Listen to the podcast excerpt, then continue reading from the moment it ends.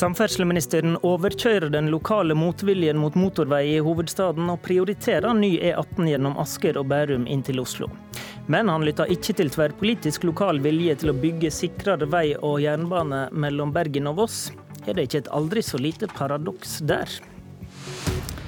Hva er riktigst og nyttigst å prioritere, spør vi i dag. Sammenlikninga mellom Bergen og Oslo tar vi etter hvert. Vi skal begynne mer overordna og spørre hvor mange milliarder det er rett å bruke på vei for å få ned reisetida litt. De igangsatte veiprosjektene som er lagt inn i Nasjonal transportplan, gir forkorta kjøretid på 40 minutter mellom Oslo og Trondheim, en halvtime Oslo-Kristiansand, 50 minutter Bergen-Stavanger og tre kvarter mellom Bodø og Tromsø. Det viser utrekninga Statens vegvesen har gjort i samband med NTP-arbeidet. Noen vil vel eh, høre det og tenke det er bra. Andre hører kanskje på et annet øre. Ketil Solvik-Olsen, samferdselsminister. Hvorfor er 536 milliarder til veiformål i en tolvårsperiode, som du legger opp til å, å bruke, hvorfor er det riktig bruk av samfunnsressurser å bruke så mye på å redusere litt kjøretid her og der? Det handler om å bygge landet. Sørge for at folk raskere og bedre kan komme seg fra der de bor til der de jobber. Reise og besøke familie, være med på fritidstilbud, kulturtilbud. Det handler òg om at næringslivet lettere skal agere mellom, mellom, byene. Det å kunne reise fra Tromsø til Bodø med så mye redusert reisetid, betyr jo at næringslivet der kan være litt mer tett i kontakt med hverandre. Det at du kan koble sammen Kristiansand, Stavanger, Haugesund, Bergen, betyr jo òg at næringslivet der å utvikle større klynger enn det du har. Det styrker konkurranseevnen vår. Det andre er jo òg at ved å bygge dette, så får du tryggere veier. Det å sørge for at folk kan kjøre trygt dit de skal, få reduserte antall drepte ytterligere, det er òg en viktig del av dette. Vi skal bygge infrastruktur som vi er stolte av om mange generasjoner òg. Ikke sånn som vi har gjort det fram til nå. Bygge klattevis og delt. Og innen du åpner en veistrekning, så begynner du å angre på den første parsellen du bygde, for den viser seg å være underdimensjonert. Rasmus Hansson, eh, nasjonal talsperson MDG. Skal ting alltid måtte gå raskere, har du spurt i Dagsnytt som gikk nå nettopp. Men da spør jeg tilbake, hvorfor skal vi egentlig sette grenser for hvordan vi skal få ned reisetida? Det er helt ålreit å få ting til å gå raskere, men da bør du se på miljøvennlige eh, måter som er i samsvar med det landet trenger framover. Eh, og den beste måten å eh, forkorte reisetida mellom byene på, er å bygge raske, moderne tog.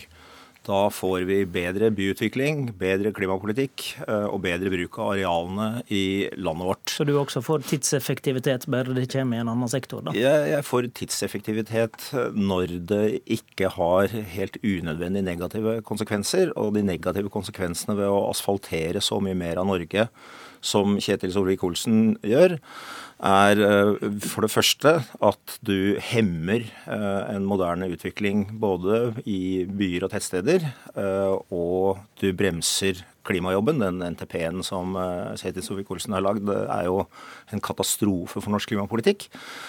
Og dessuten så skaper mer veikapasitet mer trafikk, som da må reguleres ned igjen med bompenger. Så dette er en blindvei, bokstavelig talt, til forferdelig mange milliarder. Solvik-Olsen. Vi bygger jo vei fordi vi tror det er bra for folk å kunne transportere seg rundt. Det å gi folk fleksibilitet i hverdagen til at et ektepar kan eh, bo på samme sted, men gjerne ta ulike jobber i ulike retninger gjennom livet, det er bra. Framfor at vi skal måtte rive opp familien og barna ut av skolen hver gang en får seg en ny jobb fordi at du ikke har reisemuligheter. Men vi satser jo både på vei og på jernbane. Det er jo veldig rart å møte noen møting i debatt til debatt, og en kritiserer ett punkt uten å ta med seg helheten. Vi skal bruke mye mer penger på vei framover, men vi skal òg bruke vanvittig mye mer penger på jernbane. Mm. Vi bruker altså nesten 100 milliarder kroner i denne planen her på å bygge jernbane, fordi det er viktig for pendlere inn og ut av byer, og fordi det er viktig for gods på lange distanser. Derfor vil okay. du få betydelig reisetidsreduksjon på jernbanen òg. Og jeg tror mange av de som skal ta den daglige pendlerreisen inn ut eh, på, på, jobb, og som bor nær jernbanestasjoner, vil foretrekke altså, det. Han prioriterer både at han får frigjort tid til det du sikkert vil kalle det gode liv, tid med familie og sånn, og han prioriterer miljøprosjekter. Eh, regjeringen og Kjetil Solvik-Olsen later som om Norge kan prioritere alt alltid. Eh, og Derfor så satser han kolossalt på mer asfalt og motorvei.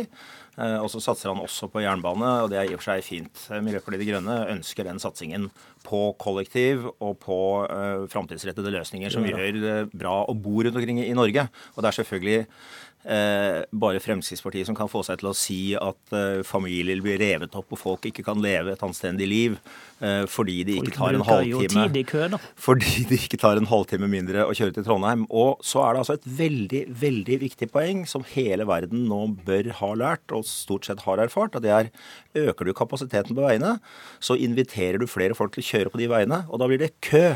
Og den tidsgevinsten som Kjetil Solvik-Olsen tror han får med alle disse hundrevis av milliardene sine, den kommer han ikke til å få. Han kommer til å eh, avspore norsk samferdselspolitikk, og så taper han.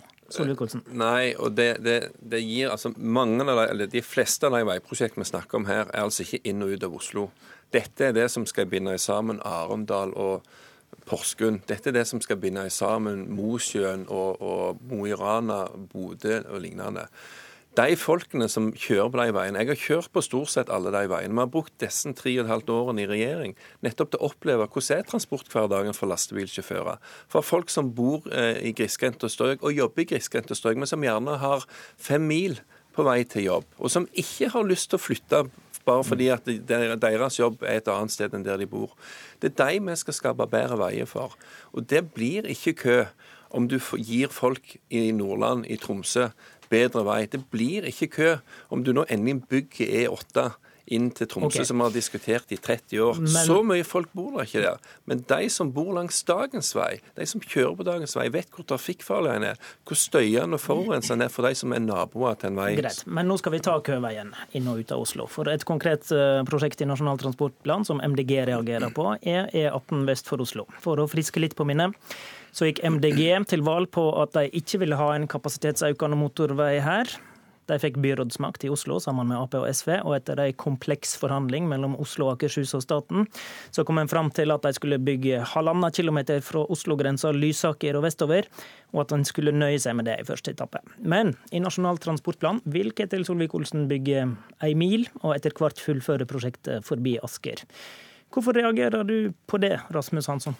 Fordi uh, uh, Kjetil Solvik-Olsen og regjeringen tramper rett inn i en avtale som er inngått mellom Oslo og uh, Akershus etter lange forhandlinger, som Kjetil Solvik-Olsen for øvrig også deltok i på slutten. Mm, altså og den avtalen, og den, ja, men Han var ikke med og skrev under, men han, han var jo inne sammen med Vegvesenet. Men han kjenner godt til forhandlingene, som altså ble gjennomført harde, vanskelige over lang tid. og Så kom han til en enighet, og på side ti i den enigheten så står det at eh, denne Uh, veibyggingen uh, består av en første etappe, som er en beta fram til Høvik, som det heter, for de som ikke bor i, i det området. Uh, og etterpå så skal det forhandles uh, mer. Og da er det helt oppsiktsvekkende at uh, Kjetil Solvik-Olsen later som regjeringen bare kan trampe over en sånn lokal avtale i full forakt for lokaldemokratiet og gjennomføre et veiprosjekt som okay. det ikke er enighet om, Tramping. og som for øvrig er altfor dyrt og altfor gammeldags. Tramping og forakt, faktisk. Eh, overprøver du en lokal avtale, for å bruke milde ord, Nei, eh, dette er en europavei. Det er statens vei. Det er ikke rart at Statens vegvesen var med i forhandlingene. Jeg satt aldri i forhandlingsrommet, men det er naturlig at når staten eier veien, så har vi òg en interesse i hva som skjer med den. Så står det i avtalen at en skal bygge hele strekningen fra eh, Lysaker til eh, Drengsrud, altså forbi Asker. Forbi Asker ja. ja. Det er alle enige om, at hele veien skal bygges. Og så, og så har det stått i alle avtaler eh, at etter hvert som prosjektene er klare, altså reguleringsplanene er klare, så skal en kunne ta dem for å sette dem i gang. Nå har en i avtalen konkretisert at første etappe det er det som heter Lysaker strand. Men du veit hva som er den lokale jo, og, og så, viljen? Hadde ikke, det, hadde ikke du stått deg på å lytte til den? da? Jo, og vet du hva den lokale viljen er? Vi vet at i Oslo så er det, jo mot Det finnes visst mange svar på det. Jo, ikke sant? Fordi at i Oslo Dette er jo et prosjekt som ligger i Akershus, ikke i Oslo. Men i Oslo så har du et byråd som er imot dette. Men spør du i Akershus, så er de for denne veien. Og naboene kommer til oss og sier dere kan ikke stoppe med kun etappe én. For dette, da stopper dere med en halvbygd tunnel. Det betyr at dere må beslaglegge mer areal. Det betyr at det blir mer støy og båg. Det betyr dårligere samferdselsløsninger. Og, det, og det, det, det, er derfor, det er derfor vi sier at derfor kommer vi til å sette i gang etappe to samtidig. Fordi at da får du bygd tunnelen fullstendig. Da får du redusert kostnadene sammenlignet med det de rød-grønne vil. Og du får en bedre forhold for naboene, og du får bedre trafikkavvikling. Okay. Det, er det er jo helt oppsiktsvekkende å høre uh, Kjetil Solvik-Olsen late som han ikke vet at dette er en avtale som er inngått mellom Oslo og Akershus, hvor jeg bor, og som, ja, men du sa jo, jo, men La oss ta dette, for du, ja, du, staten, er jo også, er staten er jo også en part. Ja. Og det du siterte i stad, ja. der glemte du å sitere at det som er overskrifta der, er at Oslo og Akershus hus er enige om at. Ja. Eh, og mm, staten har et annet syn. Det er, ja, det er helt greit at staten har et annet syn, eh, men det som er påfallende, er at man eh, lar Oslopakke 3-forhandlingene, som er en meget veletablert institusjon, pågå i månedsvis, og så underskriver man en avtale som sier at det er første etappe som skal bygges.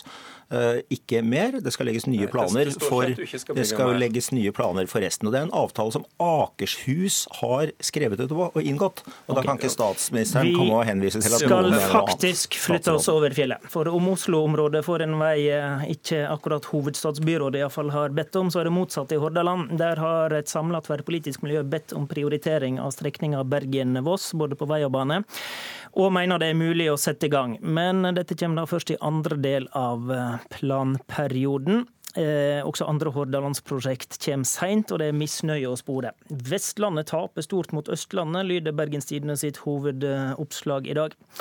God morgen, Nils T. Bjørke. God morgen.